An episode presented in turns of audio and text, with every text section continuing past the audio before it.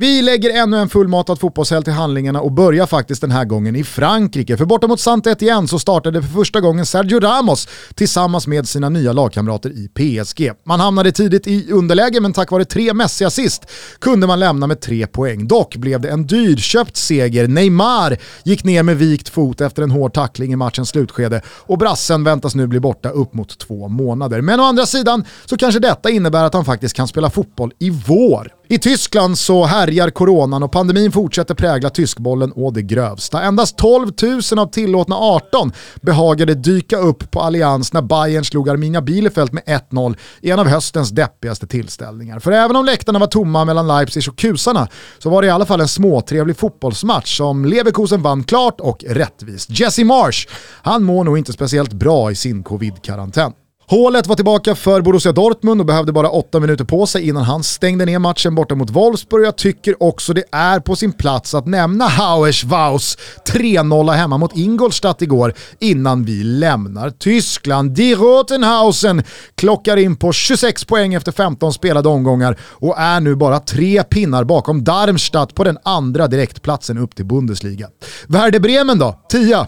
Tia! Piss Bremen! Till Premier League, där en match för första gången sedan 2010 fick ställas in på grund av snökaos. Det var Burnleys hemmadans mot Contes di Tottenham som fick stekas. Men det var långt ifrån den enda matchen som präglades av vintern.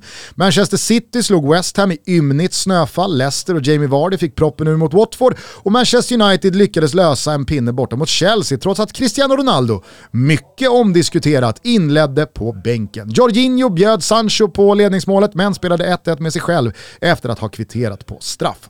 Således en kanonhelg för Liverpool som knappade in två pinnar på kungsblott efter att ha dödat matchen mot Soton redan efter en minut. Slutresultatet skrevs till 4-0 och Diego Jota fick eventuellt ny fart på säsongen. Eddie Howe har fått en jobbig, jobbig start på nya jobbet hos Newcastle och den saudiske kronprinsens leksak till klubb letar fortfarande efter säsongens första ligaseger. 2-0 borta mot Arsenal var inte direkt imponerande.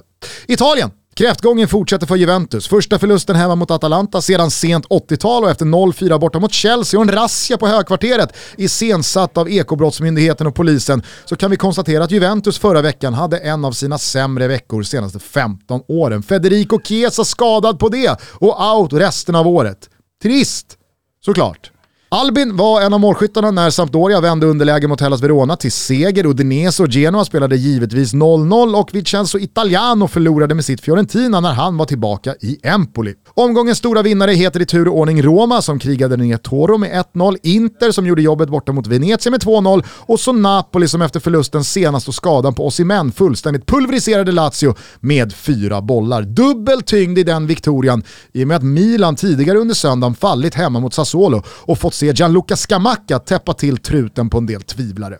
I La Liga avgjorde Vinicius Junior toppmatchen mot Sevilla med ett riktigt drömmål i 87 minuten och Real Madrid kunde trots en ganska svag, slarvig och överlag halvdan insats befästa serieledningen med sin tionde Victoria på 14 omgångar. Xavis Barcelona vann borta mot Villarreal men segern satt hårt inne och det var rejält rabalder mellan Barca-ikonen och Unai Emery under matchens slutskede. Regerande mästarna Atleti tog tre bekväma borta mot Cadiz, Cucho Codets Celta slog Alaves i spansk snö, Real Sociedad åkte på en ovanlig förlust borta mot Espanyol och där uppe i toppen smyger också Real Betis med efter ännu en seger. Det kommer såklart inte sluta med någon Champions League-plats när allt är över efter 38 omgångar, men ändå, vi noterar. Hemma i allsvenskan så tog Degen ett jättekliv mot säkrat allsvensk kontrakt efter storseger hemma mot Peking samtidigt som Halmstad inte fick hål på Bayern. Göte Stjärt gjorde 4-0 på tvärjumbon ÖFK, men gårdagens riktigt stora resultat hämtar vi från Tele2 där Diffen förlorade guldet mot Varberg och från Kalmar där Malmö FF efter många om och men till slut kunde placera både en och nästan två händer på Lelle Johanssons pokal alldeles oavsett vad som händer ikväll mellan Elfsborg och Gnaget.